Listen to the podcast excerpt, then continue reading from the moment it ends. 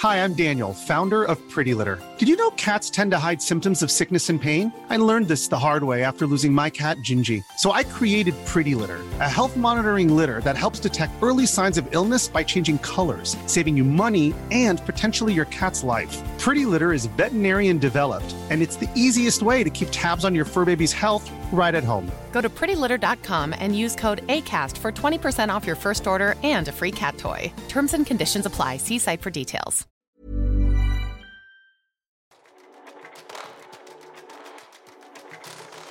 Hei og velkommen til Teknologitrender, serien som tar et entusiastisk, men også et kritisk blikk på hvordan teknologi og digitalisering endrer og påvirker våre liv og næringsliv. Episoden presenteres av Episenter, Oslos hub for digital innovasjon og et økosystem for innovative selskaper i vekst. Gå inn på episenteroslo.com og bli medlem du også. Vil kunstig intelligens skape flere jobber enn den vil erstatte? Det er det mange som spør seg om dagen. Og det er kanskje ikke overraskende, men det er kanskje mer riktig, iallfall enn så lenge, å heller spørre seg om hvilke arbeidsoppgaver AI vil overta. Eller kanskje enda mer riktig, hvilke arbeidsoppgaver den ikke vil overta. Og Samtidig så er det kanskje enda mer riktig, og enda viktigere, å huske på at disse endringene som AI fører med seg, ikke skjer over natten, men gradvis, slik tilfellet har vært med all teknologisk innovasjon. Den største forskjellen i dag, og da med kunstig intelligens, er muligens at denne gangen vil det gå mye raskere, iallfall hvis vi som et kollektivt samfunn vil tillate det. Teknologiens raske utvikling er jo heller ikke bare en kilde til ubegrenset potensial og muligheter, den er også en Pandoras eske av uforutsette konsekvenser og utfordringer. Fra den måten vi kommuniserer på, til hvordan vi jobber og lærer og leker og til og med lever våre daglige liv, så er det, vil jeg påstå, ingen aspekt av menneskelig eksistens som vil forbli uberørt av den kommende AI-revolusjonen. Men hva betyr dette for oss? Hva betyr det for jobbene våre, samfunnet vårt og planeten som sådan? Det er noen av spørsmålene som World Economic Forum tar sikte på å besvare i sin fjerde rapport om fremtidens jobber. Rapporten, som ser da frem mot 2027, går utover det å kun se på teknologiske endringer, og inkluderer også påvirkninger fra økonomiske, geopolitiske, sosiale og miljømessige faktorer, noe som også er med på å skape et mer nyansert bilde av hva fremtiden kan holde. Og Da tenker jeg jo da på de nye jobbene som kommer til, de som vil forsvinne, samt de ferdighetene som vil bli mest ettertraktet i årene som kommer. En viktig teknologisk trend som har potensial til å radikalt endre måten vi lever, jobber og samhandler på, er kanskje ikke overraskende robotene. Både de humanoide og de ikke-humanoide. Og selv om, eller menneskelignende, hvis vi skal heller bruke det ordet. Og selv om det er fristende å tenke på at enkelte menneskelignende roboter kan fjerne jobber, er det kanskje enda mer relevant å tenke på hvordan disse robotene kan fylle stillinger vi f.eks. ikke klarer å bemanne i tilstrekkelig grad med mennesker. Som f.eks. innenfor helsevesenet, hvor bl.a. Norge kommer til å trenge fryktelig mange frem, i tiden fremover til å ta vare på, på, de eldre. På den andre siden så har vi da de ikke-humanoide robotene, som er spesialiserte maskiner designet for å utføre spesifikke oppgaver.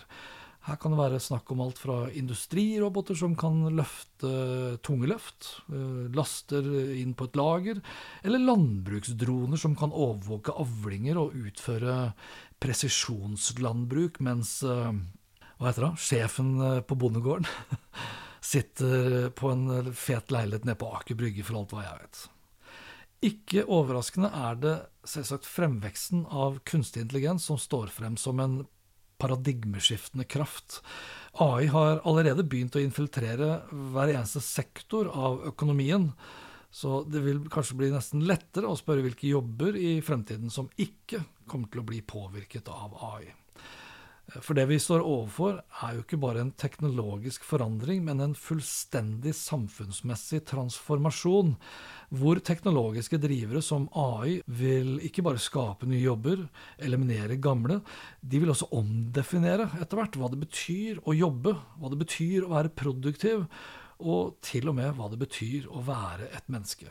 Og Det gjør at vi må unngå for enhver pris å forholde oss passive til disse endringene, for endringene i seg selv er uunngåelige. Derfor må vi gjøre vårt aller beste for å forstå disse teknologiene, slik at vi kan tilpasse oss dem, og mest av alt da, forberede oss på en fremtid hvor AI kommer til å forme nesten alle aspekter av vårt liv. Innen 2027 estimeres det at over 40% av dagens forretningsoppgaver kommer til å være automatisert bort. Og om vi da ikke har automatisert bort våre oppgaver, så vil jo konkurrentene garantert ha gjort det. Og på den måten utkonkurrert oss samtidig.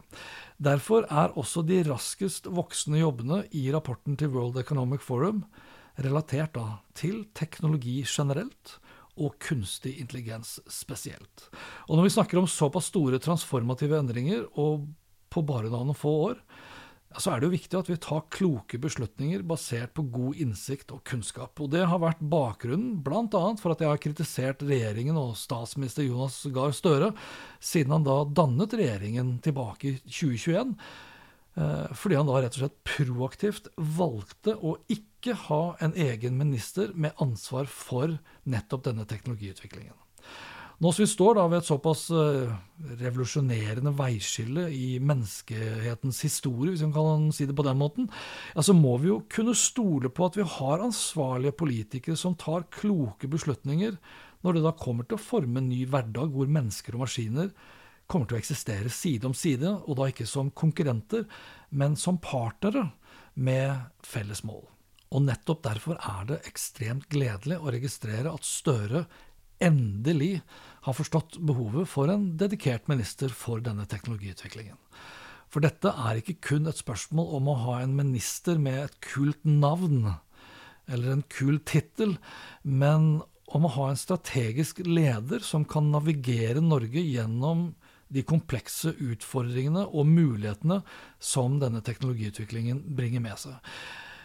En teknologiutvikling som kommer til å skape en fremtid hvor digitaliseringen vil være altomfattende og gjennomgripende og påvirke alt fra vår personlige og nasjonale sikkerhet til utdanningen av våre barn, til endringer av vår egen jobb, til velferden vår og samfunnet som sådan. Og det er jo derfor det er særs viktig, eller kritisk, vil jeg kanskje si, at vi da har en minister som kan ta dette helhetlige ansvaret for å navigere oss gjennom denne komplekse labyrinten som vil forme vår fremtid i tiårene som kommer.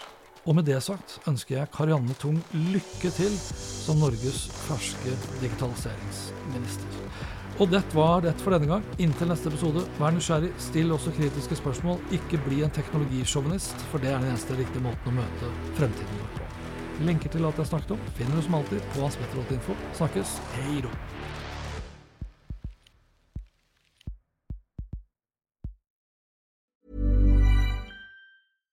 Hi, I'm Daniel, founder of Pretty Litter. Cats and cat owners deserve better than any old-fashioned litter. That's why I teamed up with scientists and veterinarians to create Pretty Litter. Its innovative crystal formula has superior odor control and weighs up to 80% less than clay litter.